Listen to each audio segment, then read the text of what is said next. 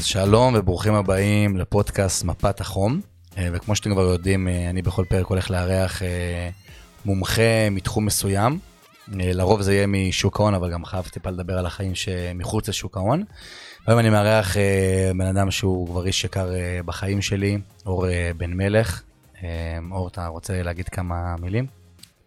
שלום, תודה שאתה מארח אותי, גיא. אז תודה רבה שאתה בא ומתארח שותף שלי, מנטור שלי, אה, חבר שלי.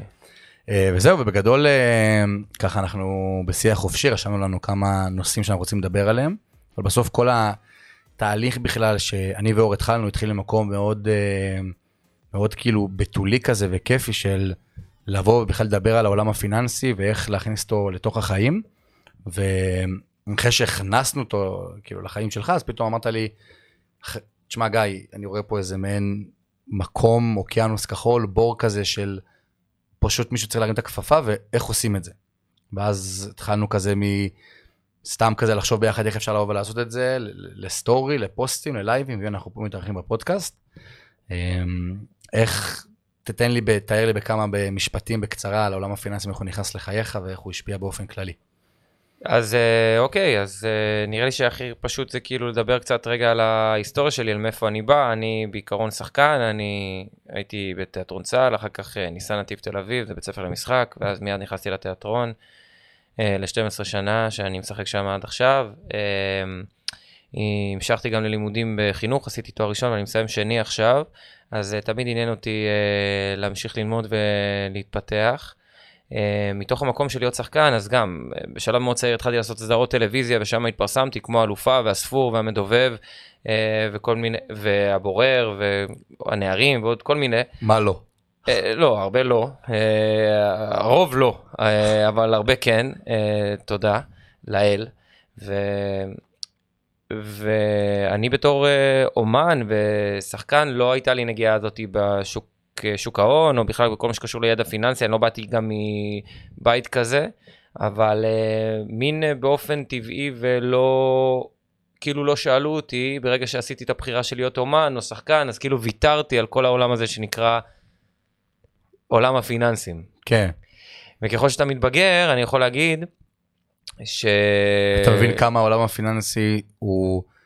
חשוב בחייך וכאילו אתה לא שם לב אליו אבל זה מגיע בדברים קטנים שאני לא אני שומע תמיד לא שמעתי את זה ממך ואני שומע את זה מהרבה אנשים של.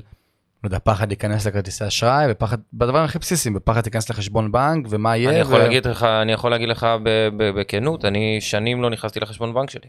אתה מבין וזה נובע מאיזשהו מקום של כאילו אפילו זו תלוש משכורת והנה אמרת אתה לפני כמה דקות סיימת לימודי משחק סיימת כל העולם הזה, ואתה בפועל שחקן שהיום הוא יוצא, הוא יוצא בתור עסק, נכון? הוא פותח, הוא עוסק פטור, מורשה משהו, הוא מתחיל כאילו לעבוד ב... בעולם. ו... אני חושב שאתה עולה על הבעיה העיקרית uh, בכל מה שקשור לתחום האומנות בארץ, וכל מי שאומן, או הרבה פעמים אנשים שמתעסקים במקצועות חופשיים כאלה, שהם בכלל לא תופסים את עצמם במודעות עסקית, אין להם שום מודעות עסקית. הם תופסים את עצמם כאנשי מה? תוכן, אנשי רוח כאלה? גם אנשי רוח וגם אנשי תוכן, והאנשי תוכן האלה הם אנשים שמייצרים תוכן, אבל הם לא מתעסקים בכלל בכל הפן הכלכלי, הפן הכלכלי הוא הרבה פעמים בא בסתירה לפן, לפן האומנותי, ויוצר מין uh, זילות, כאילו, אני יכול להגיד לך שיש לי חברים ש...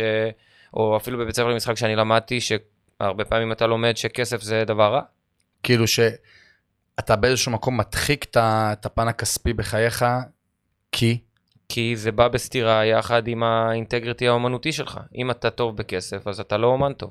הבנתי, וזה כאילו, בסוף, יש גם נטייה לחשוב, אני זוכר את עצמי, לפני שבכלל הכרנו בתקופת הקורונה, אני יושב בבית, אני רואה אומנים מפורסמים, מהשואה הראשונה שראיתי סדרות שלהם והכל, פתאום באים ומדברים ואומרים, תשמע, אני לא מצליח לסגור את החודש, תשמע, אני לא מצליח לעשות כסף, ואני כאילו... רק בקורונה?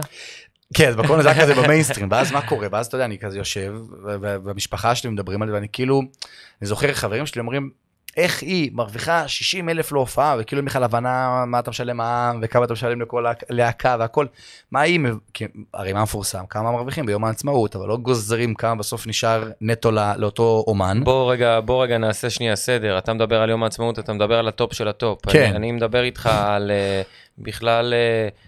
אה, שזה מקצוע שמלכתחילה יש בו בעיה של יציבות כלכלית. אז, אז זה לא, זה אפילו לא במקום הזה של אנשים מרוויחים המון כסף, ואולי זו הזדמנות טובה לבוא ולהגיד, ואולי לשבור איזה מיתוס. לשבור מיתוס לחלוטין. אני הולך לשבור לכם את המיתוס עכשיו, אה, שאנשים מקבלים כמה אלפי שקלים ליום צילום, וזה נשמע המון, אבל הם לא עושים יום צילום כל הזמן, כל יום, הם עושים ימי צילום, מספר ימי צילום בשנה, ולכן הסכום של יום צילום הוא מאוד מאוד גבוה.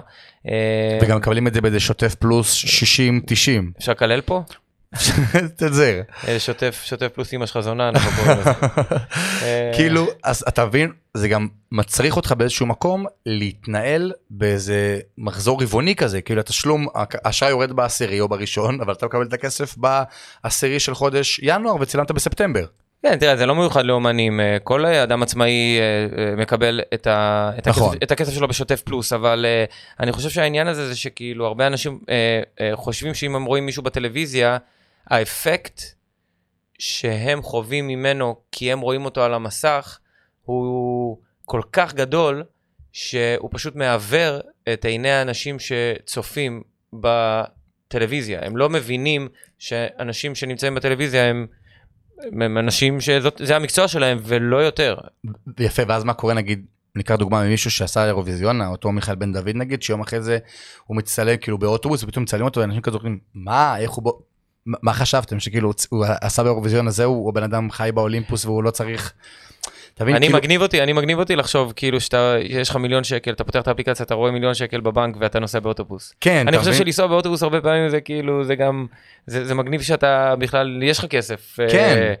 לא, סתם אני אלך פה על נסיעה באוטובוס, כן. אני מבחינתי עד היום נוסע בתחבורה ציבורית ואני כבר לא מחזיק רכב נטו כי אין לי צורך בזה. יש מעין איזה חשיבה כזאת שבכללי חשיבה לפי דעתי מעוותת של כאילו יש מעין איזה קריטריונים ברורים לאיך בן אדם מצליח צריך לבוא ולהיראות. כאילו נכון. אם אתה נוסע באוטובוס אז כנראה אין לך כסף אתה נוסע בתחבץ כי אם יש לך כסף אז למה אני מעדיף. לא, אני יכול להגיד לך אבל למשל ששחקנים באופן הזה הם לא יכולים באמת לנסוע בתחבורה ציבורית כי זה נורא אם אני נכון. עכשיו נוסע בתחבורה ציבורית אחי אני לא יכול לזוז זה, וגם המודעות העצמית וזה זה נורא זה נורא. נכון אבל כאילו באיזשהו מקום אתה מקודם שבסוף אותו אני רואה אותו בטלוויזיה ואני כאילו אומר וואו מה קורה איתו ואז באיזשהו מקום הבן אדם כן צריך להתפרנס מאיזשהו לא באיזשהו מקום הבן אדם צריך להתפרנס יפה ואז כאילו יש איזה דיסוננס כזה של אני מה אני אלך עכשיו אני, אני אעבוד במלצרות או אני אעשה איזשהו משהו ואני אעשה איזה השלמת הכנסה איפשהו כי אני כאילו ופה אנחנו מדברים על ה top של ה top מי שמופיע בפריים אתה יודע יש לי אנשים לקוחות שלי שהם בשחקני תיאטרון בתיאטרון לילדים ששמעתי כמה מרוויחים ליום צילום 80 100 120 שקל להצגה. להצגה. כן להצגה ואני כאילו לא, אומר עכשיו עכשיו זה נהיה מורכב כי כאילו ככל שאתה נהיה יותר מפורסם אז אתה יכול לעשות פחות דברים. וזה בכלל תוקע אותך כי אז בטוח שלא תהיה מלצר וככל שאתה פחות מפורסם אתה יכול לעשות למלצר עכשיו. אז כאילו באיזשהו מקום יש יתרון בדיוק. לאנשים שעדיין לא התפרסמו או שלא התפרסמו אף פעם כי הם יכולים להמשיך ולעשות עוד דברים. אבל בן אדם עכשיו שעשה סדרה אחת, לא מדבר איתך יותר, סדרה אחת. בדיוק. עשה סברי מרנן שבע עונות, הוא לא, הוא, הוא לא התעשר מזה, עזוב סברי מרנן, עשה תוכנית אחת עם שתי עונות. כן. זהו, הוא לא יכול עכשיו לעבוד במלצרות. אתה מבין? תראה, ראיתי את מושי קפיה בטלוויזיה, מוכר נעליים. אתה מבין? וכל פעם הם אה, דוחפים את האייטם הזה. אז מה, אתה עכשיו מוכר נעליים? והוא אומר, כן, אני צריך להתפרנס. אז מה, ויתרת על השירה? אתה מוכר נעליים? כן, אני מוכר נעליים. אז אה, מה, אתה לא, אתה לא זמר יותר, אתה לא, אתה לא שר יותר.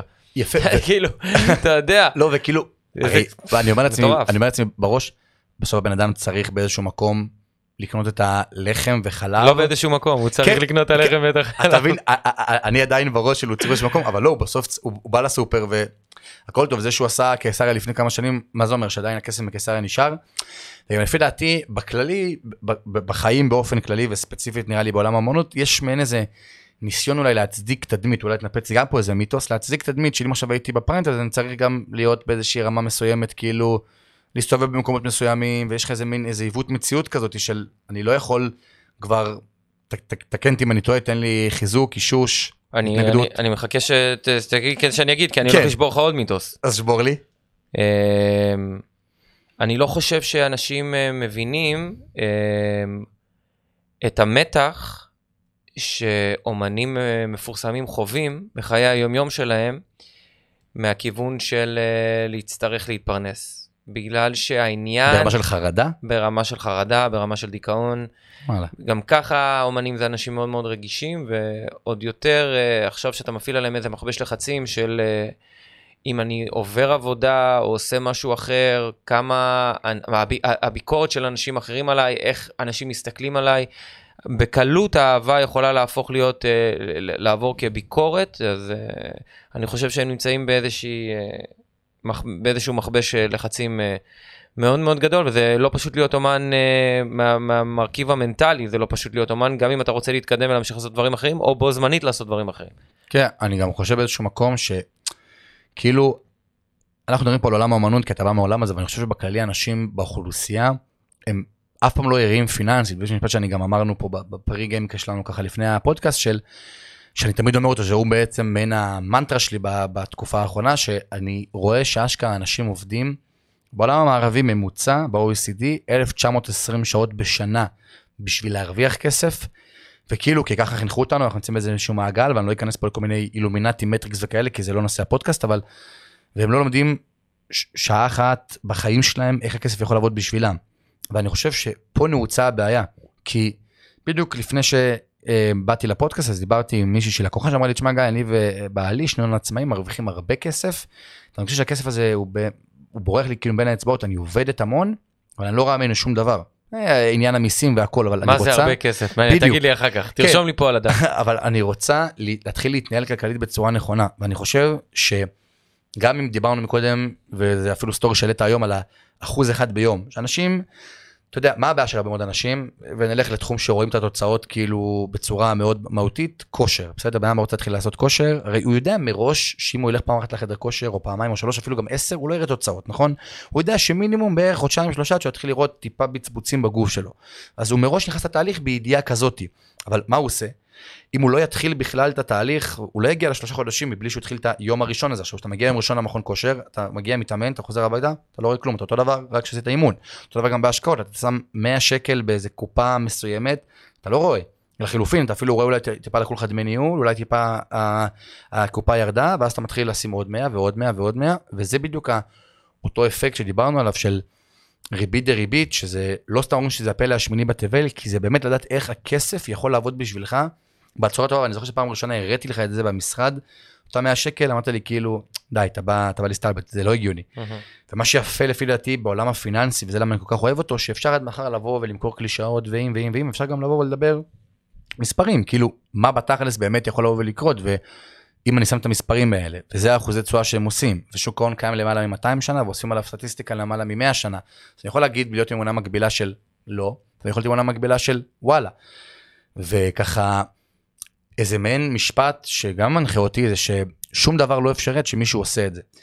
ואני תמיד אומר אם מישהו עשה את זה בחיים האלה כנראה זה אפשרי. רק צריך לבוא וללמוד איך עושים את זה. אם מישהו זכה באוסקר כנראה זה אפשרי לזכות באוסקר. אם מישהו בא ויצא לחופש כלכלי כנראה זה אפשרי לזכות ב- ולעשות חופש כלכלי. כנראה אם מישהו עשה המון המון דברים כנראה זה אפשרי רק בוא נלמד איך עושים את זה. אני יכול להיות עם אמונה מקבילה של אה זהו לא זה ליחידי סגולה ואני יכול להיות עם אמונה מאמינה של וואלה זה אפשרי אתה מבין? ואז להתחיל לצעוד אני יכול, אה, אני מאוד uh, מתחבר למה שאתה אומר, אני קורא עכשיו ספר שנקרא הרגלים אטומיים, זה ספר מאוד מאוד מפורסם, והוא מדבר בעצם על רכישת הרגלים, אז כאילו, אני חושב שכל העניין הזה עם uh, להציב מטרות הוא עניין בעייתי. כי אתה אומר חופש כלכלי וזה, אני, אני, אני חושב ש... הרבה אנשים לא יודעים בכלל זה נראה להם בתור איזה מושג בספר או איזה מושג בפודקאסט. וגם uh, לעשות שיהיה לך שישייה, ש- שש קוביות בבטן ולהגיע למיליון שקל או לרוץ 20 קילומטר. אני חושב שאנשים, uh, השיפט שהם, ההתכווננות לכיוון מטרות הוא דבר שמאוד מטעה והוא טעות והוא מטעה בגלל שבמקום, לת... זה מה שהוא אומר בספר וזה מאוד משהו שאני מתחבר אליו, שהעניין הזה של uh, לשים את האטנשן שלך על השיטות שאתה uh, מנהל ולא על המטרות, או יותר פשוט להגיד האיך ולא המה. העניין זה לא לצאת לחופש כלכלי בעיניי. די.או. העניין זה, העניין זה לפתח הרגלים uh, טובים. מה הדברים שכסף, שהחופש הכלכלי מביא איתו? כאילו... זה עוד אתה לוקח את זה אחורה, אבל אני אומר, חופש, בכלל המילה הזאת היא חופש, היא, היא, זה מצחיק, כי הרבה פעמים אומרים, כשיש לך אה, כללים בחיים, אז כאילו אתה מונע מעצמך חופש. נכון. אבל זה בכלל הפוך. בגלל שיש לך כללים בחיים, וכללים טובים, אז אתה בכלל מאפשר לעצמך חופש. כי אם אתה לא יודע מתי לשלם את החשבונות, ואם אתה לא יודע מתי לצאת לריצה, ואם אתה לא יודע מתי לבשל, אז אתה כל הזמן שואל את עצמך וכל הזמן עושה איזה processing של חשיבה, מתי ואיך ולמה, במקום כבר לקבע כל מיני דברים שאתה יודע. במקום להתחיל לצעוד. בדיוק, וזה לוקח לך המון זמן מהחיים. אז אה, למשל, אה, אה, אני, אני מתחבר לעניין הזה מהמקום הזה שאתה, שאתה מדבר עליו עכשיו, מהמקום של...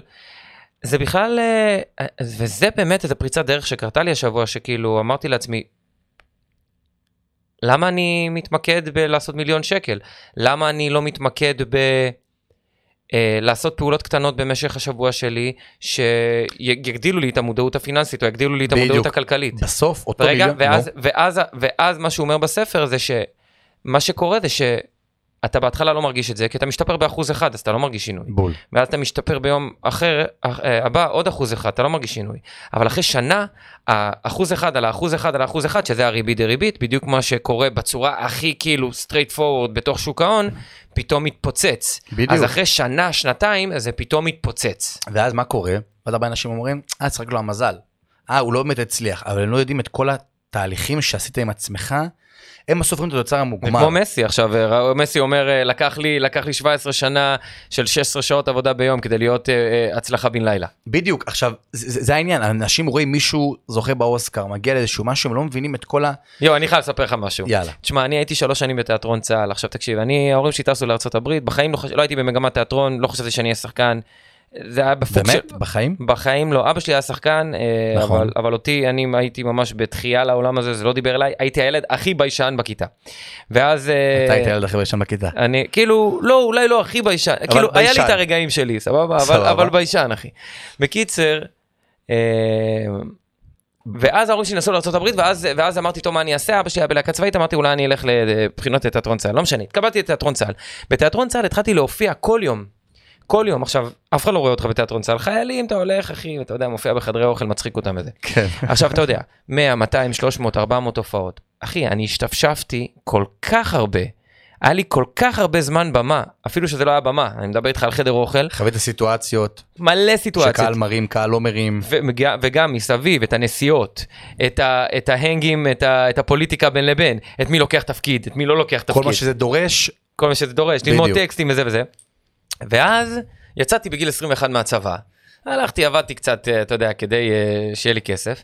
באודישן של אה, האלופה בום לקחתי אותו באודישן של הספור בום לקחתי אותו עכשיו למה זה קרה אנשים חושבים שזה נובדי בא משום מקום כן. הם לא יודעים שעכשיו שלוש שנים חרשתי את הארץ בהופעות יפה. אז הם לא זה דוגמה מצוינת לריבית דריבית. בדיוק. זה האחוז אחד, העוד הופעה בחדר אוכל של שריון, וחדר אוכל של תקשור, וחדר אוכל של תותחנים, וחדר אוכל של... ובחרמון ובאילת וזה. בדיוק, כל הנסיעות האלה הביאו אותך לכדי מצב שאנשים צופים בך באיזה סדרה ואומרים, אה, ואז, אה, אה, ואני אגיד לך יותר מזה, אחר כך שהלכתי לבית לסין והתחלתי להופיע, ב, אה, אתה נוסע בוונים, יש קטע לשחקנים הוונים ש, שנוסעים וזה, אז כולם, אחי, השחקנים הכי גדולים בארץ מתלוננים על הוונים בטירוף, ואני לא התלוננתי על הוונים, למה? כי כי עכשיו. שלוש שנים נסעתי, אז זה הכין אותי כאילו כבר לוון, לא אכלתי סרט, שם אוזניות, לוקח ספר, לא אוכל את הסרט. אתה רואה השחקנים הכי גדולים לא יכולים לשבת בוון, ואני אומר, מה הסרט שלכם? מה, כאילו?" כי זה הרבה אנשים, כי זה מתיש. כי זה אנשים וזה לא משנה היום אני כבר נוסע כבר באוטו שלי אבל uh, בכל אופן כן. אתה יודע עדיין כאילו אוכלים סרט על משהו שהוא כאילו זה כמו לכעוס על הגשם זה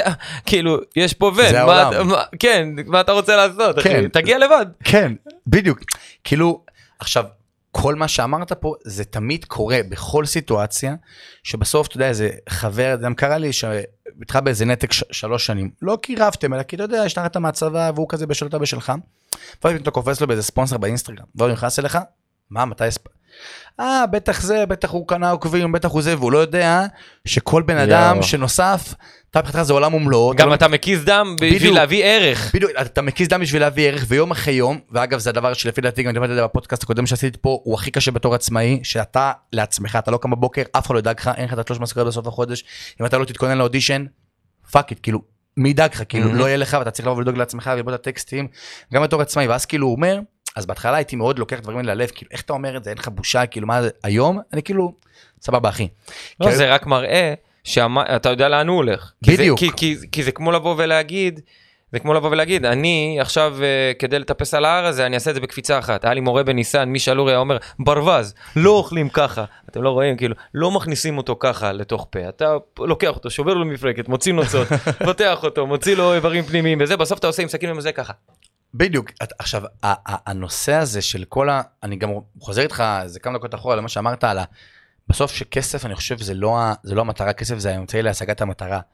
הרבה אנשים, אני רואה אותם מתמקדים בכסף, בין אם זה עצמאים, שכירים, בעלי עסקים, מתמקדים בכסף, כמה הם יעשו החודש, מה יהיה המחזור, ואני אומר שאני גם פעם הייתי כזה, תמיד הייתי מתמקד וכמה אני אעשה על הפוזיציה הזאת וכמה אני ארוויח וכמה אני אהיה לי בחשבון בנק ואז הבנתי שהדבר הזה סתם מכניס אותי לסטרס ולחצים ואני גם לא מצליח לבוא ולהשיג את זה כי אני מתפקד לא טוב, התפקוד שלי לא טוב כי אני רק חושב על מה אני אעשה.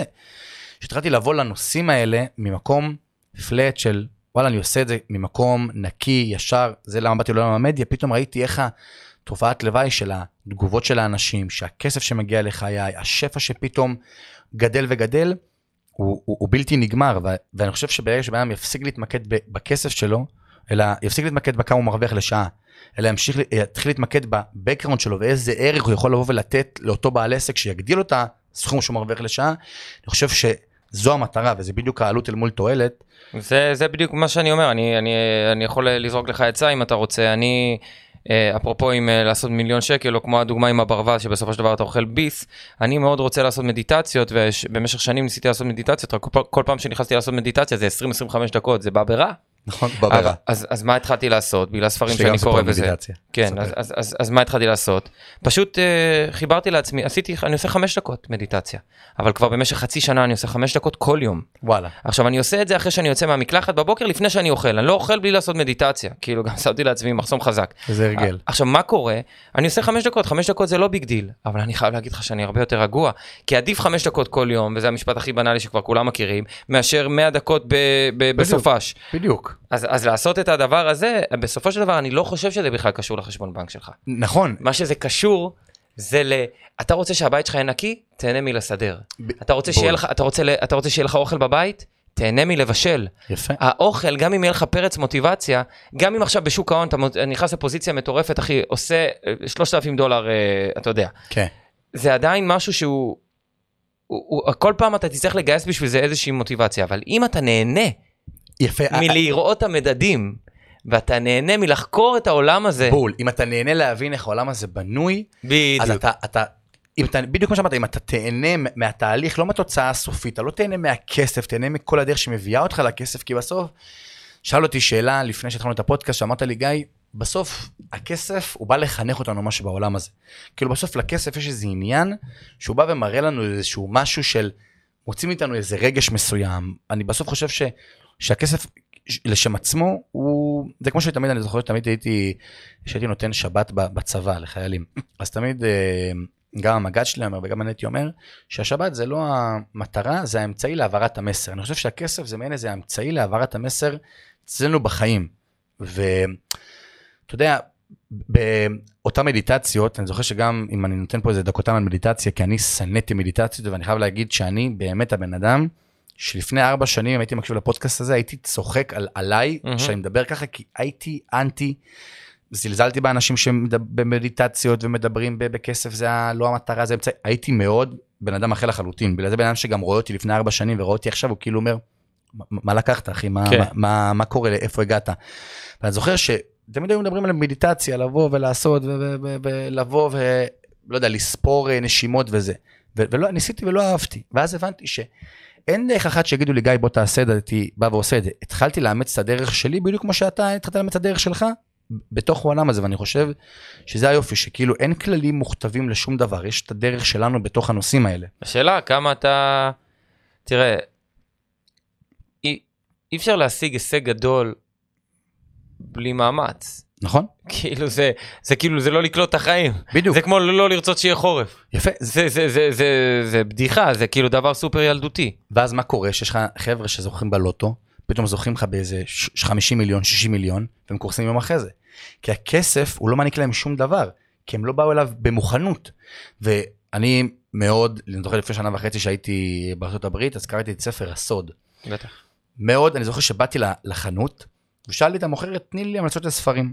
ושם הבנתי שאני לא צריך להקשיב להמלצות של אנשים אחרים, ובמיוחד בספרים. למה? כי אומרת לי, אמרתי לה, מה את אומרת על הספר הסוד? שמעתי עליו ביקורת טובות, היא אומרת לי, תשמע, הספר כזה בגבוה, פה, שם וזה. בגבוה היא אמרה לך? כן, בגבוה, לא. עכשיו אני מסכים, זה ספר מאוד בגבוה, אבל צריך... לא, ספר בגבוה, אבל דווקא יצא לו שם, כאילו, יש את האנשים שאומרים שהסוד זה מדהים, ואז יש את האלטיסטים שבאים ואומרים זה סתם חרא של המונים. יפה, אז אני כאילו מסתכל עליו בקטע של... אני אוהב דרך אגב. כן, ואני כאילו מסתכל על...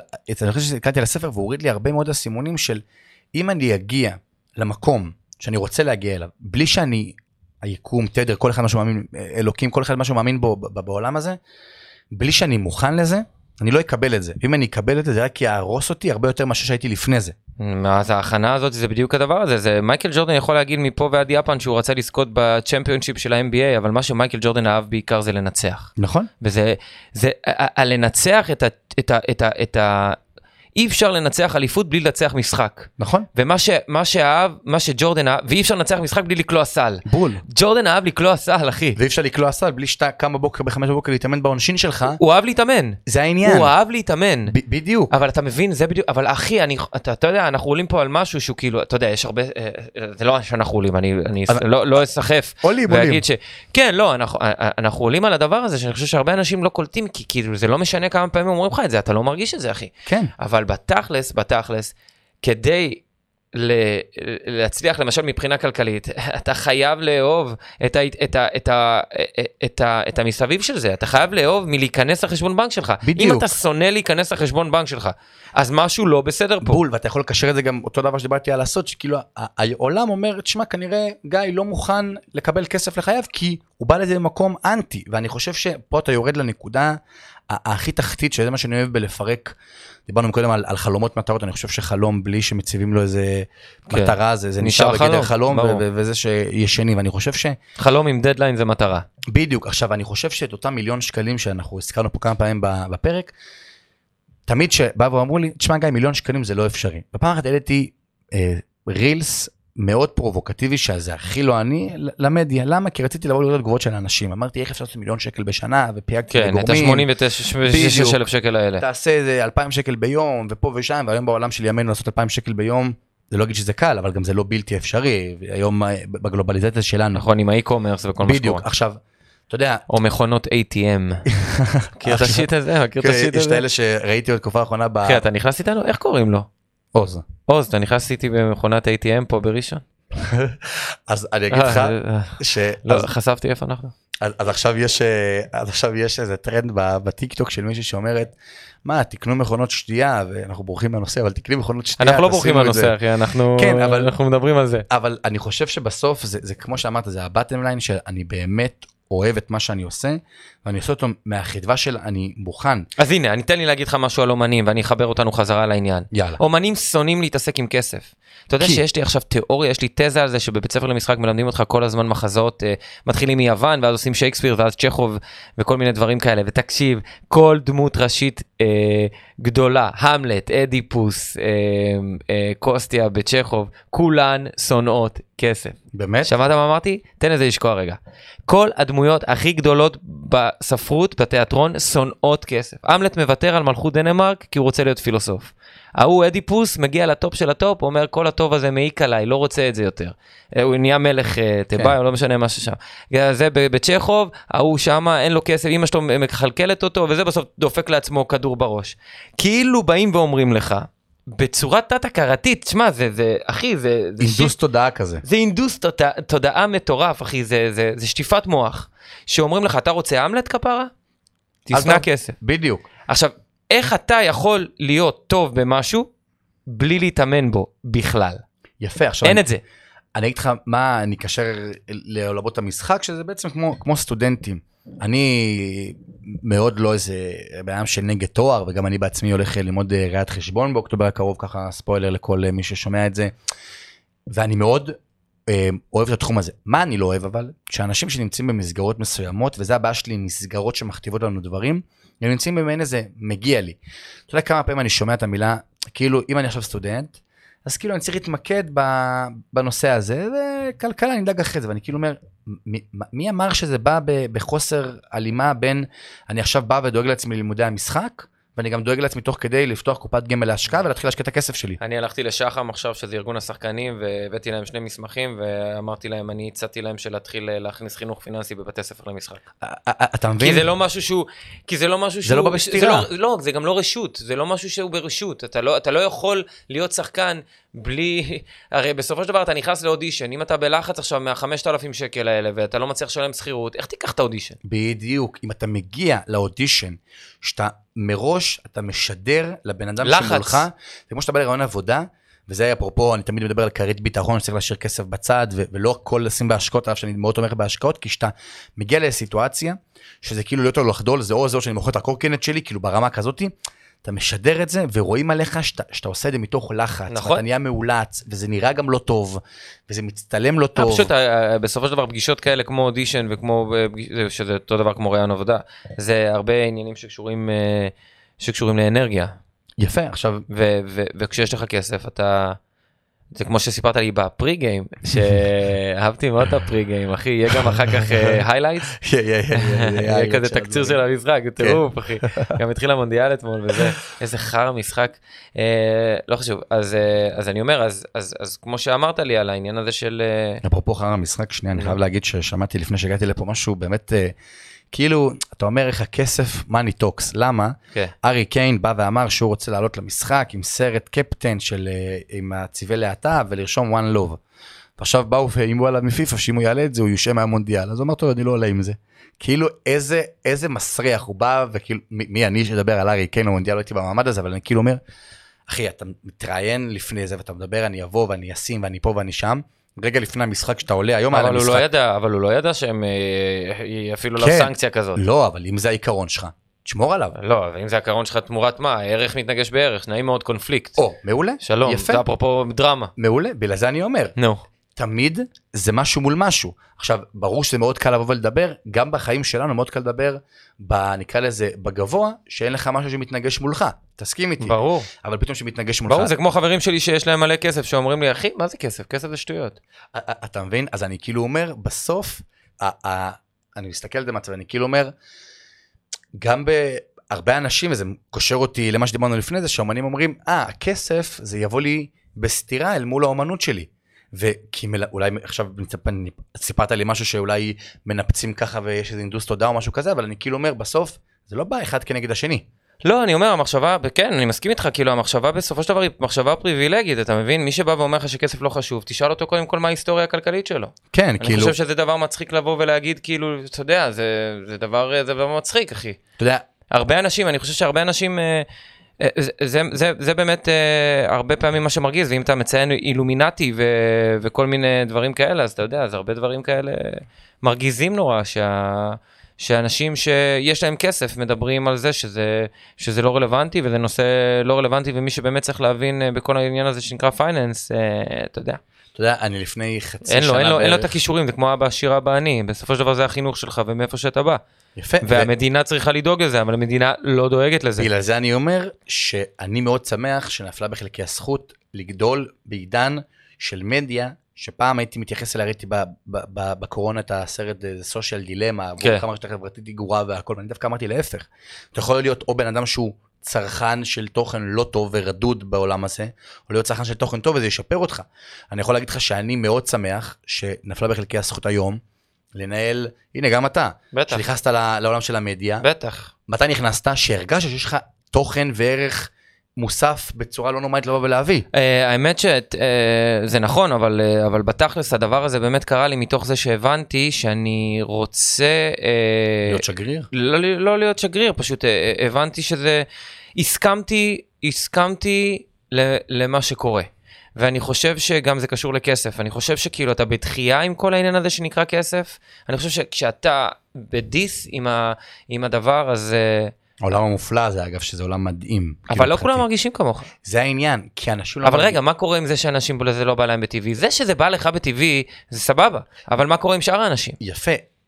מה זה נקרא אפקט דאנינג קרוגר שמה הבעיה של הרבה אנשים בעולם הפיננסי שהם לא יודעים עוד כמה הם לא יודעים. וכשמתחילים לחקור הם כל כך מיואשים נכון. רק מלחפש את הנושא הזה ומה זה אינפלציה ומה זה ריבית ומה זה פריים ומה זה זה מושגים בסיסיים וזה נופל עליהם כל כך חזק, יחד עם זה בכלל שהם רוצים לקנות אר ג'ורדן עכשיו, ועכשיו איך הם יוציאו את ה-700 שקל האלה בגלל שהם צריכים, תכלס, אני צריך להירגע, בול. ולהוציא, את הש- לשים את ה-700 שקל בגמל, או בפנסיה, או יפה, בזה. וגם מה העניין שכל הפן המוסדי, הוא מסביר את הנושאים האלה בצורה מאוד מאוד לא ברורה, במקום להגיד שפריים זה 1.5% ריבית ועוד ריבית בנק ישראל, לפשט את זה ככה, אבל גם אם אתה יודע את זה, אתה יודע, יש אנשים שלא נהנים מלחשב אחוזים, זה קצת כמו מתמטיקה. כן. יש, יבואו לך אנשים, אומרים לך, אני לא אוהב דיסקלקוליה. מתמטיקה. איך? דיסקלקוליה זה נקרא, אנשים שמפחדים ממספרים, אמיתי. כן, לא, דיסקלקוליה בסדר, אבל בסופו של דבר זה, זה הרבה פעמים משהו שכאילו אתה, אתה, אתה שם על עצמך כמו בגד, זה לא באמת כי אתה, זה פחד שהוא לא רציונלי. יפה, בגלל זה אני אומר. זה לא, ש- משהו ש, זה לא משהו שכאילו אתה באמת מרגיש אותו, זה פשוט ההוכחות שלך עד היום בהיסטוריה שלך אומרות לך שאתה לא טוב במתמטיקה, ובנית לעצמך זהות של אדם שלא טוב במתמטיקה. יפה. עכשיו לך תשבור את הזהות הזאת. מעולה, אבל זה בדיוק העניין, וזה בדיוק אותם חמשת שלבי מודעות שבן אדם עובר מהרגל מגונה שהוא לא אוהב, כי בסוף אף בן אדם לא אוהב לפחד להיכנס לחשבון ישראכרט שלו, או לחשבון בנק שלו. אין בן אדם אחד שאני מכיר שאומר אני אוהב לפחד מזה. אוקיי, אז רגע, אדם- שנייה, אז בוא נעצור כן. שנייה. כן. מה, למה? יפה, למה בן אדם מפחד? כן. או... אני חושב שהבן... שאנשים מפחדים מכל הנושא הזה, בעיקר כי אולי חינכו אותנו לא לדבר על הנושא הזה, עזוב למה, מה מפחיד בזה? שום דבר. אין, אין, בלהיכנס לחשבון, ישראכרט שלך? אולי מלראות, אתה, אתה אומר שום דבר, אבל אתה אומר שזה מפחיד. כן, אבל תשאל בן אדם, נו. מה, אז תדמיין שאתה בן אדם אחר ולא אתה.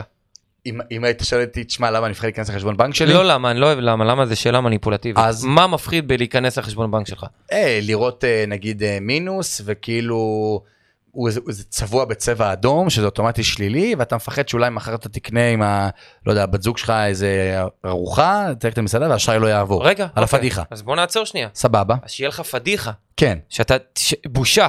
בושה. בדיוק, אני חושב ששני נושאים או היו... פחד. יפה, שני נושאים אני חושב שהם הם בטאבו העולמי, אחד זה הנושא של מין, שאז קים קרדשיאן באה שברה לי מקלטת סקס, ומאז לדבר על מין זה כבר לא איזה נושא שרק בחדרי חדרים ובמשפחות. זה קים קרדשיאן היא לא הראשונה שעשתה את זה. אתה- בתור יודע, שלי כן. מדונה, אה, מרילין מונרו, סבבה, אה, יש עוד. יפה, ואני חושב, רגע, סתם. ואני חושב שנושא הכסף, הוא עדיין נהיה מעין איזה נושא טאבו כזה של כאילו, אף אחד לא מדבר באמת כמה הוא מרוויח, או אף אחד לא באמת בא ומדבר מה קורה אצלו בחשבון בנק, ותמיד, גם אני היום, שאני בא ואני מלמד אנשים פיננסית, שהם אצלי בפגישה, אני לעולם לא נעים לי להסתכל עליהם בחשבון בנק, והם פותחים, הם מספרים, אני רואה מה קורה בחשבון, זה למה הם באו. ועדיין אני מתבייש להסתכל עליהם בחשבון בנק, כי לא נעים לי, זה כאילו אני מציץ לו לחדרי חדרים של החדרי חדרים, כי כמו שאמרת, וואו, אולי אני מצייר איזה דמות מסוימת, בסדר? תמיד יש את ה... יש את הפוסטים מל- האלה אה. שבאים ואומרים, אם הלוואי שהיו, הייתי עשיר כמו חושבים שאני עשיר, בסדר? כאילו הלוואי אה. שהיו חושבים שיש לי כסף בבנק, ובאמת היה לי כזה כסף בבנק, כי כאילו, הרבה אנשים מצדיקים את זה תדמית מסוימת, שהיא היא- היא לא אמיתית, ואני אספר לך סיפור, בסדר? היה לי לקוח, בסדר, בעבר, שאולי ישמע את הפודקאסט הזה, אני לא אגיד את שמו, שהוא בא אליי לפגישה עם, עם מיטב הבגדים, עם, עם uh, מפתח של uh, מרצדס, בסדר? אני כאילו אומר, וואלה, בן אדם, אתה יודע, בטח עכשיו יכולים לנהל מיליונים, ארגזים וזה, אתה יודע, אני אומר, איזה כיף, יש לי אתגר ואני אעלה הרבה כסף.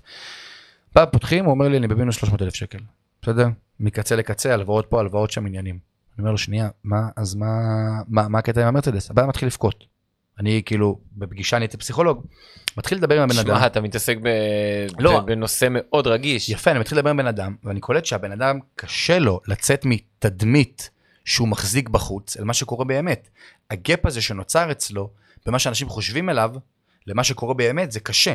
ואני חושב שגם, למה תמיד שאומן פתאום בא ומתגלה, ובאיזה באיזה שבעה ימים, או שבע ימים, בידיעות שבעה, אחרונות, שבעה, זה היה טוב. בידיעות אחרונות, אמרתי, אני אגיד גם זה, גם זה אולי יכול לתפוס. בידיעות אחרונות, דווקא זה הקטע של האומנים, זה. השערים האלה. מעולה, סתם לא בדיוק, אני חושב על זה כי יש מצב ש... כן, אוקיי. בידיעות אחרונות, כן. פתאום הוא בא והוא מתגלה ואומרים בגילוי לב. מה- גילוי לב? למה? אני חשבתי שהבן אדם הזה יש לו מיליונים בבנק. אבל כאילו- רגע, אבל רגע, רגע, כן. תן לי, תן לי, אני רוצה לחזור שנייה כן, אחורה. תחזור איתי. אמרת, אמרת שלהיכנס לחשבון בנק זה יכול להיות מפחיד, הבושה, הטאבו, כן. אז כנראה שאפשר להגיד, שאני אומר את הדבר הכי כאילו מובן מאליו בעולם, אבל בכוונה אני הולך ל-ABC, כי כנראה שכסף יש לו השפעה רגשית מאוד גדולה על- עלינו, בתור בני אדם. מאוד. כי הוא מייצג לא של כסף, הכסף זה מייצג של יכולת נכון. או, או כוח. עכשיו, אם אין לך כסף, אז אתה חלש. אם יש לך כסף, אז אתה חזק. זה מה שחושבים. לא, זה מה שקורה. כי אנחנו נמצאים בעולם שאם יש לך כסף, אתה חזק. עולם קפיטליסטי, כן, מה זה, אתה יודע, תמיד זה היה ככה. כן. אבל בוא נגיד, נכון, זה נהיה, החל... מי שאין לו כסף הוא נחלש מפעם, כאילו פעם אולי במשטרים אה, סוציאליים יותר, מי שלא היה לו כסף עדיין היה יחסית חזק, היום אפילו- הוא לא חזק. אני אפילו הולך איתך לפני זה. שים לב מה ההבדל שאתה מגיע לבנק, שיש לך פלוס בעו"ש, להבדל בבנק שאתה מגיע למינוס בעו"ש. אז הנה, בדיוק זה. אז אני אומר, רגע, מה הנקודה שלי? הנקודה שלי היא שבסופו של דבר כסף קשור לך לחזק חלש. נכון. אז אני אומר, שאתה רואה את המינוס הזה בבנק, אתה מרגיש חלש, אתה מתחיל לפחד, אתה מתחיל לדאוג, אתה מתחיל להיות חרד. אתה מתחיל מה להיות יקרה אם חרד, לא יהיה. אתה מתחיל להיות עצוב, ממש ככה. יפה. אז, אז, אז אני אומר, חכה, אפילו לפני, אתה יודע, שוק ההון, הדברים האלה זה פרקטיקות מדהימות כדי ללכת קדימה, אבל מי מלמד אותנו, אולי גם אף אחד לא ילמד אותנו, כן? אבל איפה החובה שלנו ללמוד להפסיק לפחד מכסף? יפה, אני חושב שזה ההתעוררות הפיננסית שקרתה בתקופת הקורונה להרבה מאוד אנשים שפתאום הם הבינו של כאילו, וואו, עד עכשיו העולם היה כמו שצריך ונהוג, אתה פה מלחמה, שם מלחמה, מציאות ישראלית קלאסית, פתאום כולם בסגר, פתאום אין לי עבודה, פתאום שנייה מה קורה. אבל זה דווקא וכולם- יכול לקחת למקום חיובי. יפה, זה לקח כי להם כולם מקום ככה. חיובי. לא, כי כולם ככה, אז אתה יפה. אומר הכל בסדר. מעולה, ואז אתה פתאום, אתה אומר, כולם איתי, ויש את האנשים שהולכים קדימה ובתקופה הזאת מתחילים ללמוד ולחקור, ויש את האנשים שנרקבים בבית, ואני חושב שאני רואה את האנשים שאחרי תקופת הקורונה, פתאום התעוררו, וכולם, 90% מהאנשים אומרים לי, גיא, התעוררתי בתקופת הקורונה, פתאום הבנתי שהכסף צריך להיות בבנק, כי גם פמפמו את זה ודיברו את זה, והרבה אנשים נכנסו לעולם של המדיה. ואני אגיד לך משהו שהוא, שהוא לצערי, ואולי הוא יחדד לך עוד נקודה, לצערי, רוב החבר'ה שאני איתם בא במגע ביום יום, זה חבר'ה שאין להם בעיה כלכלית. אני אולי אנפץ פה מיתוס למי שחושב, זה חבר'ה שיש להם כסף, אבל רוצים להגדיל את ההון שלהם. הנה, יש להם בבקשה. 20 אלף, רוצים להגדיל אותו ל-40. דווקא האנשים שאני הכי רוצה שיגיעו, אולי שכל פעם בן אדם שמדבר איתי ומדבר איתו שיחת טלפון, ואני מבין שהוא בן אדם שבגללו באתי לעולם הזה, שהוא אומר לי, גיא, אני במינוסים ובהלוואות, ו- ואני לא חוסך שקל, אני לא יודע איך לבוא ולהתנהל כמו שצריך ואיך להשקיע, זה מתוך 50 לקוחות, אחד. וכאילו אני אומר לאותו בן אדם שיושב, שהוא לא צריך להגיד להגיע, אני אומר לו, תשמע, אתה יודע שבתכלס, אחרי הפגישה, אתה לא באמת צריך לבוא ולהגיע לפה. אומר לי, מה קרה? אמרתי לו, תשמע, אתה מתנהל כלכלית טוב, אתה פשוט רוצה לבוא ולהגדיל, אתה רוצה להגיע ל-level up, שהוא חיובי בטירוף, ובגלל זה הגעת לפה. ודווקא אנשים, כי אותם אנשים, נפתח מעין איזה פער מסוים של אמונה מגבילה, וזה לא אפשרי, והעולם הזה זה לא קיים, וכל מי שלומד... אז זה מה שרציתי להגיד לך על הפריגיים שאמרת לי. אתה אומר לי שבן אדם בא אליך ואתה יודע, הוא בא... הוא, בא, הוא, הוא עושה כסף בחיים שלו ומכר את החברה שלו בגיל 36 ועכשיו יש לו את העסק שלו בגיל 36 ועכשיו יש לו כסף אז הוא בא להשקיע ואז אתה ואז אתה אומר לו אוקיי סבבה כי אה והוא אומר לך תראה איזה יופי שוק ההון בגלל שפתאום אני יש לי פנאי ואני יכול לראות את כל הדבר הזה מלמעלה ואומר וואו בואנה הכסף עושה כסף. אבל מה עם אנשים שלא עושים אה, שלא מכרו את העסק שלהם בגיל 36 ו... ועכשיו יש להם אה, לא יודע חצי מיליון שקל שוכבים בבנק שמתים להפוך להיות מיליון שקל. או, או אפילו חבר'ה שבגיל 36, אני יכול להגיד לך שאני את ההורים שלי, שנכנסתי לעולם הזה, אז אתה יודע, זה תמיד כזה, ב... היה זה לא אפשרי, כי גם גדלתי ב... לא גדלתי עם... בשמנה או בסולטה של המדינה, בוא נגיד ככה, גם לא גדלתי במקום לא טוב, אני מבסוט איפה שגדלתי, אבל כאילו, אתה יודע, זה היה כזה תמיד, גם מהסביבה הקרובה וגם מההורים זה כזה, אה, זה לא אפשרי, אה, תשמע, אין, מפסידים במניות והכל. נכון, פתאום גם לי אמרו את זה שבאתי אליך, אבא. שלי אמר לי את זה. יפה, פתאום שאתה עובר ארבע שנים, ואתה יודע, אתה, אתה מתפרנס מזה, והתיק שלך גדל, פתאום, אתה יודע, הם גם רוצים. ואז שאני לא אשכח את זה, אני יושב עם זוג, עם שני ההורים שלי, ואני כאילו מדבר איתם, ואני מראה להם בדיוק כמו שהראיתי לך, מה האפקט של הריבית די ריבית, אבל מה, לצערי, האפקט של הריבית די ריבית כבר לא כל כך חל עליהם, כי בני 60 פלוס, אז נכון. איזה ריבית? זה ריבית די, ר- וזהו, ריבית נגמר. די. בדיוק, ריבית די ונגמר הריבית הבאה. כן.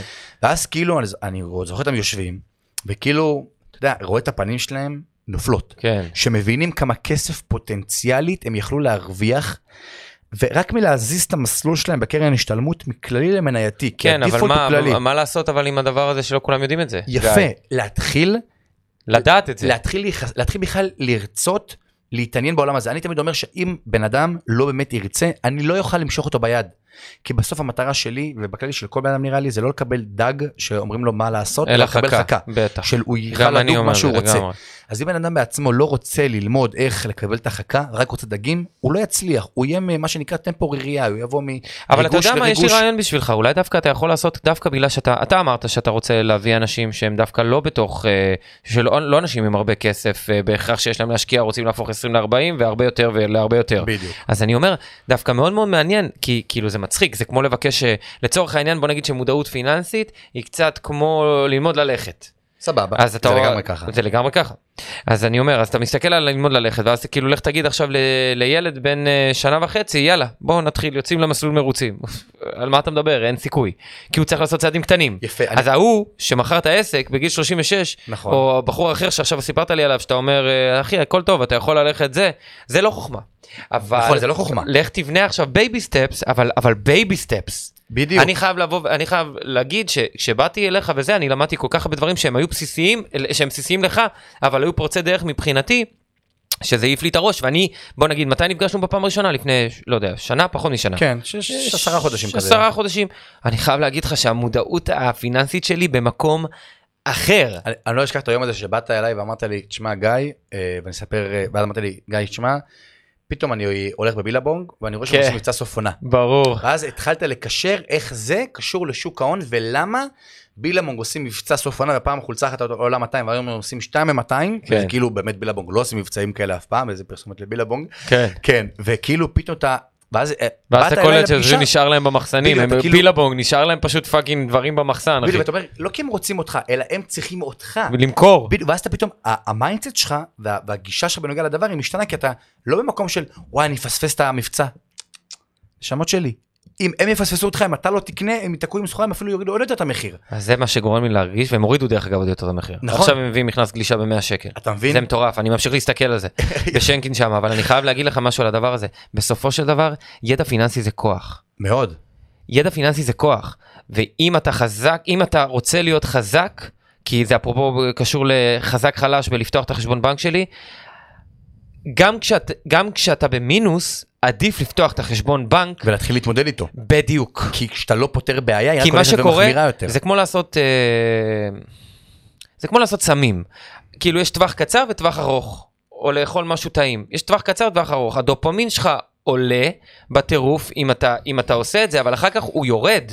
נכון. עכשיו, הפוך מזה, אם אתה נמנע מלעשות משהו, אם אתה מתאפק, אז הדופמין שלך למטה, כי אתה לא מקבל את מה שאתה רוצה. נכון. אבל לונג טרם, מדיטציה, צום, אה, כל מיני דברים שקשורים לאיפוק, אחרי בדיוק. כמה זמן, הת- התחושת אה, שמחה שלך גדלה. יפה, זה, לזה אני קורא להוריד את סף הגירוי העצמי. אני זוכר את עצמי לפני שנתיים, וואלה, מבחינתי מתוק, זה כאילו, אני צריך את הכי מתוק ואת הכי מלוח, הייתי קיצוני, וזה השפיע עליי לא טוב גופנית, הבטן נפוחה, פה אני לא מרגיש טוב וזה. ואני זוכר שהצלחתי, הייתי, ו- ותמיד הייתי גם מתייחס לאוכל בקטע מאוד כאילו, אה, על הדרך, רואה איזה סרטון, על הדרך זה. ואז שמעתי פעם אחת אה, מישהו שאומר שבשביל להוריד סף גירוי עצמי, דופמין באוכל, משהו כזה, לחזור לנורמה, צריך לתת את הכבוד ואת המקום לאוכל, וכשאתה אוכל, להיות אך ורק בתוך האוכל, ולא מה שנקרא לבוא ולראות משהו מהצד. להרגיש את הטעמים, ללעוס, להרגיש את הביסים והכל. לא האמנתי, אבל אמרתי, טוב, אם הוא עשה את זה, וזה כנראה קרה לו, אז זה כנראה זה אפשרי, בוא נלמד, בוא, חלאס להיות ראש בקיר, בוא נעשה את זה. ואני אומר לך, מאז, סף גירוי שלי באוכל ירד, אני לא אוהב מתוק. שאלת הבת זוג שלי? לא אוהב מתוק. אני כאילו, תגיד לי לאכול מתוק, חוץ מפאי תפוחים עם גלידת וניל, כן. לא אוהב. אתה אוהב פאי תפוחים? וואי, כן. אתה מהאנשים האלה כן. עם הפירות בתוך המאפה? כן. אתה גם קשה עם זה. אני לא יכול. אז, אז אני, אז כאילו, הורדתי סף הגירוי העצמי, אני כבר פעם הייתי שם מלח בלי לטום על האוכל, וזה בדיוק כמו ברור, שאמרת. אני אה, לגמרי.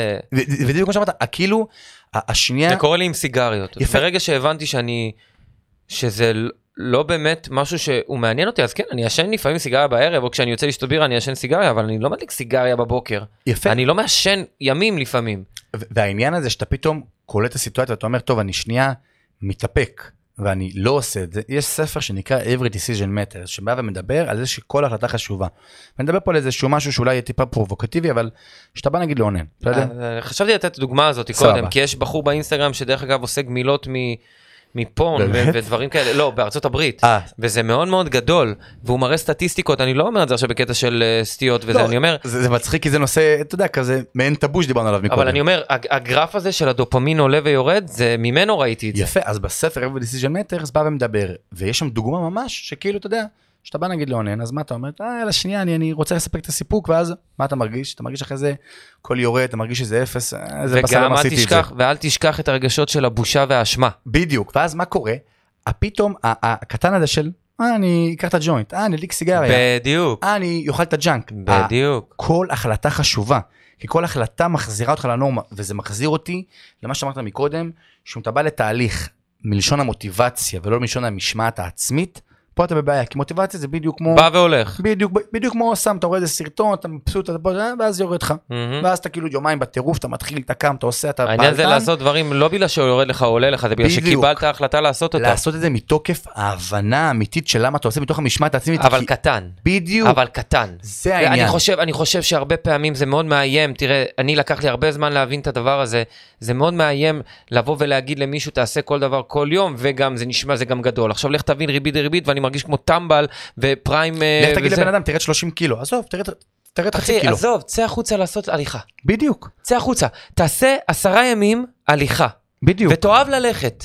עכשיו בוא נפתח לך את האהבה ללכת. יפה, וזה בדיוק הדברים הקטנים שהרבה מאוד אנשים מסתכלים על תהליכים, מה אני עכשיו צריך לעשות מיליון דולר. שנייה, בוא נעשה עשרה שקלים. אני.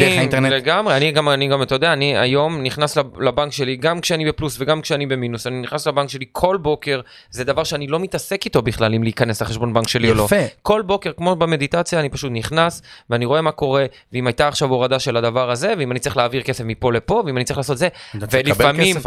אם אני צריך לקבל כסף, ובגלל שאני אומן, אז לפעמים אני לוקח זמן עד שאני מקבל כסף, אז אני רגע במינוס, נכון. שזה מבאס אותי, ואז, אבל מה, אני, מה קורה לי? מה קורה לי? אני רואה את, ה, את הרגע הזה, אני כאילו בחרדה הזאת, אבל היא בשנייה פגעה לך. וכשאני עובר אותה, אני פתאום מרגיש בבם של כוח. נכון? זה בדיוק, אני עכשיו בדיוק עברתי לגור בתל אביב, ואני זוכר את עצמי אומר לעצמי, טוב, באמת? איפה עברת לגור? ביד אליהו.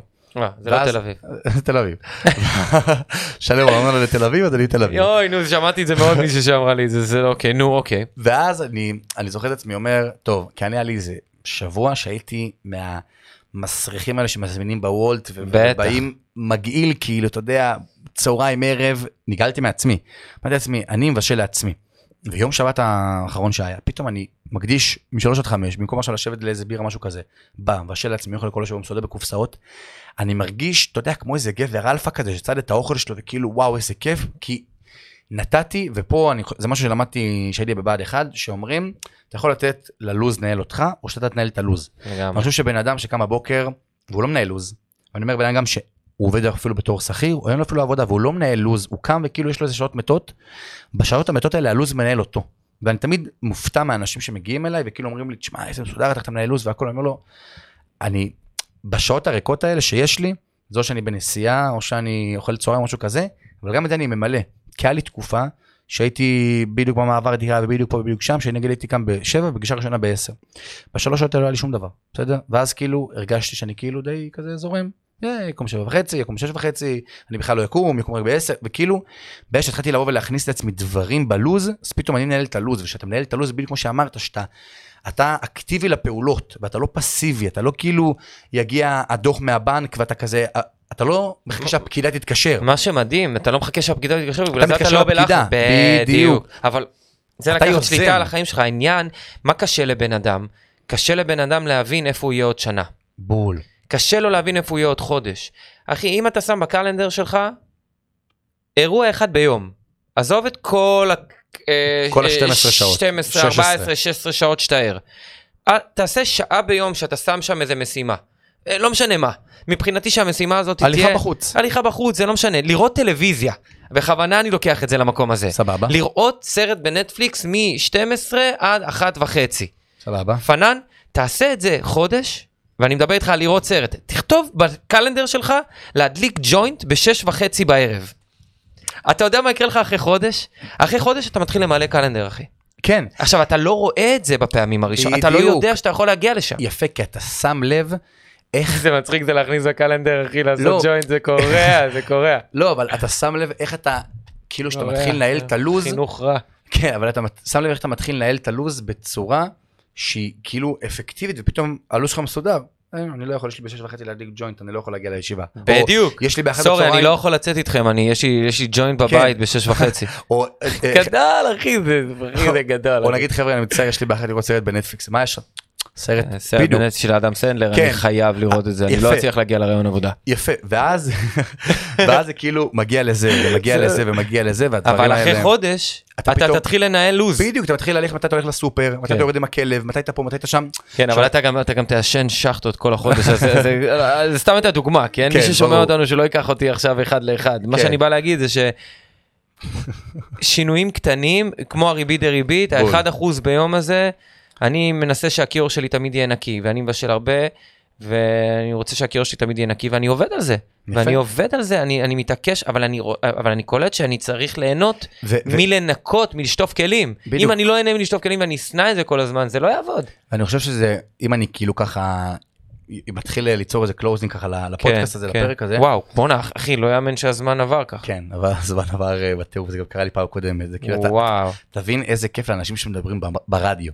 מבלבלים את המוח לאנשים, כן. וכאילו מקבלים על זה כסף, כן. אתה מבין? הם לא מקבלים על זה כסף, כי זה לא עושים כסף ברדיו, אבל תן לי לסבר, זה אפרופו מה שהתחלנו איתו. עוד ניפוץ מיתוס. מה זה ניפוץ מזה, אתה יודע שבכלל אין כסף ברדיו. אבל מה רציתי להגיד לך? אני? חושב שהנקודה העיקרית, ואז יש לי גם עוד איזה שאלה ככה כן. להפתיע אותך שאתה צריך לשלוף מהמותן, שאני שונא שעושים שליפה מהמותן, אבל אני אאתגר אותך פה. שלב השאלה זה היה, איך זה הולך? אה, אז קיצר, אני חושב שאם אני מסתכל שנייה על, הסיכום של הנקודה שבה רצינו לבוא ולהגיד, זה של באמת, תתחילו להיחשף לעולם, בדיוק כמו שאתה נחשפת לעולם הזה, מפנייה שאני פניתי אליך דרך האינסטגרם, ואז אמרת לי, זוכר איך הגבת לי?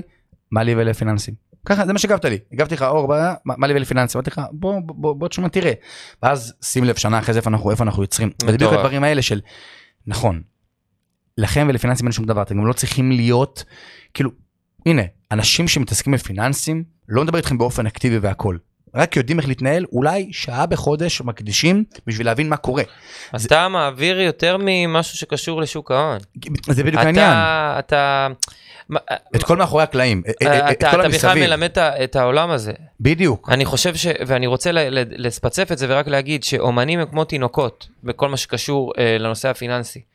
והם לא ילמדו לרוץ אם הם לא יתחילו לעשות צעדים ראשונים קטנים. בדיוק, או אפילו לסחול, או אפילו להרגיש את הקרקע. והצעדים הראשונים הולכים ליפול, הם הולכים ליפול. נכון. כבר, כאילו, מי שאומן ושומע אותי עכשיו, ואני אומר לכם, אני בא מתוך האומנות, אני שחקן הרבה זמן, ואתם הולכים ליפול בהתחלה, הצעדים הראשונים הולכים להיות, לבוא ברע. כל המושגים והמספרים, זה הולך לבוא ברע. נכון. מה שכן, זה שאחרי שנה אתם תיצרו כזה פער על כל מי שנמצא מסביבכם, במיוחד בתחום האומנות, לא בקטע של לנצח אותם, אלא בקטע שאתם תראו שאתם פשוט משתפרים ונהיים יותר טובים, יותר חכמים ויותר חזקים. זה משהו שאתם... אה, אני, אני לא חושב שיש אפשרות לאומן היום, אלא אם כן לבן אתה אדם באמת... בכללי. לבן אדם בכללי, אבל אני אומר, אני אומר. אפילו מתוך הדבר הזה, כי אנחנו גם אולי נעשה אירוע בקרוב, שמשהו שקשור ל... לאומנים ול, ולכלים פיננסיים. כן, פשוט כמו שאמרת, אני חושב שתמיד מה שאמרת לי, שאני באתי תמיד לרוץ בנושאים שנדבר עליהם, ובדברים שאתה אומר לי, גיא, שנייה, אתה מדבר פה על אוכלוסייה שבאמת צריכה את ה baby של ה baby ברמה של שנייה, מה זה בכלל, לא יודע, מה זה ריבית? מה זה ריבית? מה זה קרן?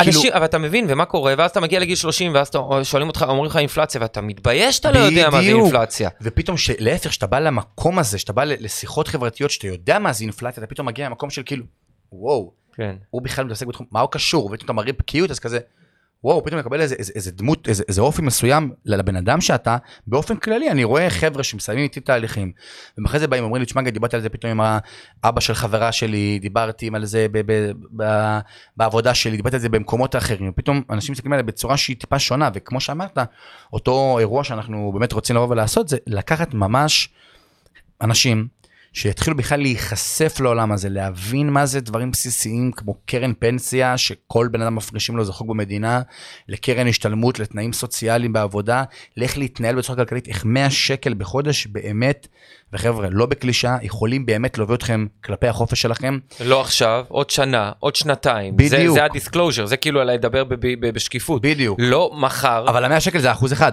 אבל, אבל אם את בת 30 עכשיו, ואת שומעת את הפודקאסט הזה, ואת מחפשת אתה בחור... מטרגט את הקהל. לא, ואני אומר, לא, לא, לא אני, הבחור שלנו פה עוז, אבל אה, אני אומר, אה, אבל אם את בת 30, ואת עכשיו שומעת את הדבר הזה, ואת שחקנית שסיימה בית ספר למשחק, או ארבע שנים אחרי בית ספר למשחק, אז נכון, אז אולי מחר את לא תדעי... אה, ואת לא תהיי מיליונרית. את לא תהיי מיליונרית, אבל בגיל 32, ה- המציאות שלך יכולה להשתנות מבחינה דרסטית. בדיוק, ואולי בטווח הקצר את, את תוותרי על לצאת בשישי בצהריים, לא יודע, לפשפשים או את אפילו. לא תוותרי, את, את, את, את, את תעשי בחירה. בדיוק, כי זה הידע לא יהיה שכאילו אצלך. עכשיו את תשבי בבית ותגידי, או, אני מחזיקה את עצמי ולא עושה שום דבר, כי אני בבית עכשיו בול. וזה. לא, את תבואי ותגידי, וואלה, אני מעדיפה אה, ללכת לזה ולא ללכת לזה. פתאום טיול ברחוב, ולא ללכת לאיזה קלאב, יהיו עוד יותר כיפים. אתה מתחיל להסתכל, אני חושב, ואז פה אני שואל אותך את השאלה שאתה תשאל אותך, אני כן. חושב שאתה מסתכל על כל העולם בנקודת מבט שהיא טיפה שונה, כי אתה מתחיל להבין איך הדברים, איך העולם הזה באמת קיים, אתה מתחיל להבין דברים שמסתובבים, ו... אני שחקן בעיקרון, אני, כל העבודה שלי, אני, אני עכשיו בסדרה בקשת, אני משחק אה, רמת סייבר. בסדרה קודמת שעם אנה זק שיחקתי אה, בעלים של מסעדת דגים ודייג. שיחקת, זה זה עדיין לא יצא. זה עדיין לא. יצא, זה עדיין לא יצא, שיחקתי, צילמתי. ושיחקתי בעל מסעדת דגים וסוכן של אה, אנה זק, ולפני זה שיחקתי אה, בחור שיצא מהכלא במדובב 2, בחור שיצא מהכלא אחרי 14 שנה, אה, מגמגם, שיש לו רומן עם, אה, עם טרנסג'נדרית, וכאילו, אה, אה, אה, כל מיני סתם אני אומר, לא משנה, אבל אה, ג'נדר או משהו, אני פשוט אומר, זה איזשהו אה, תיאור דמות. נכון. עכשיו התיאור או נטיות מיניות כאלה ואחרות או נטיות אה, או, או למשל אה, אה, דברים פיזיים כמו גמגום לצורך העניין וזה. אני עכשיו עשיתי בארבעה חודשים אה ובאמצע שיחקתי חייל בכלל בגואטמלה של נכון. של זה אז אני אומר אני ב, בוא נגיד בחצי שנה בשמונה חודשים שיחקתי ארבעה אנשים שונים אנחנו בתור אומנים יש לנו את האפשרות להזדהות השרירי הזדהות שלנו הם כל כך חזקים ככה שתדמיינו תשתמשו ביכולת דמיון שלכם להיות פתאום בן אדם שטוב עם כסף. ולצאת מהסכמה הזאת שאם אני אומן אני לא יכול לעשות את הדבר הזה, זה קשור לזהות האומנותית שלי. תשחקו דמות שלכם שהיא טובה עם כסף. זה בבם, זה כאילו, זה יכול לפתוח את הראש זה- בטירוף. זה נקודה באמת אה, בבם. אתה רוצה לשאול אותי שאלה? כן, השאלה שאני רוצה לשאול אותך, שאני מתחיל עכשיו לעשות את זה בכל פודקאסט, האורח שיגיע לפה, אני שואל אותו שאלה. אה, אם עכשיו הייתי מביא לך שלט חוצות באיילון, כן. לחודש, זה קורה עוד שנייה, נו. לחודש, רק שלך, רק אתה? רק בלי עמוס תמם, בלי עוזי אבי. בלי זה, אה, אתה, אתה בפרונט, יאני אבוקשטיין. ואתה בוחר מה לשים, אתה לא יכול גם לשים את הפ- את הפנים שלך, שלט שאור מחליט מה לבוא ולעשות. מה היית רושם עליו, ומה, למה, או מה הנקודה שאתה רוצה שאנשים, שהבן אדם שתקוע בפקקים באיילון, יסתכל ויגיד. זה- כן. שאלה שאני התקלתי, אבל... אני חושב ש... תראה, זה מאוד... אה, Spark מיטב דש שלחו לי notification. מעולה. כוח מטורף, בטח עדכון שוק. אה, קורע. אה, תשמע, זו שאלה מאוד אה, קשה להגיד, נכון. אבל אני אשלוף מהמותן ואני אגיד משהו בגלל שזה מאוד קשור למה שאני קורא באותו, באותו רגע. אז אני אשלוף מה story שלי פשוט.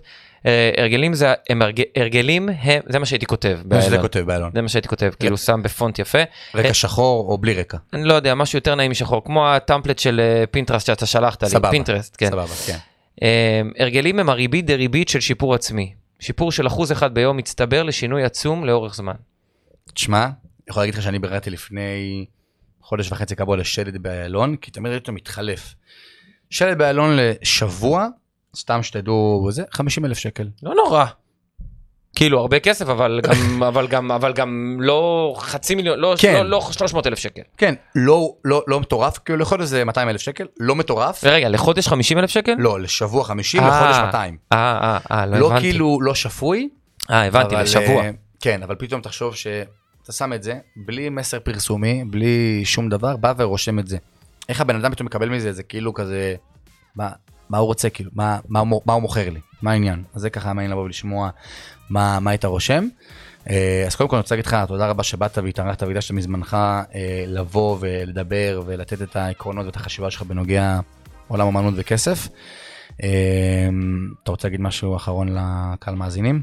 היה לי ממש כיף ואני מרגיש שזה ממש היה גם באיזשהו מקום על קצה המזלג אבל אנחנו פועלים כדי לתת יותר ערך ויותר כוח לאומנים. אה, זהו, אני רוצה להגיד תודה קודם אוקיי. כל לאולפני אה, פודקאסט סטודיו שמארחים אותי בפעם הנוספת אה, בהקלטה הזאתי אצלם, ולכם שאתם באתם, ידעתם, הקדשתם זמן, אם אתם שומעים את זה בחדר כושר, לא משנה איפה, תהנו, מקווה שהיה לכם יום מועיל, אנחנו ניפגש פה בפרק הבא.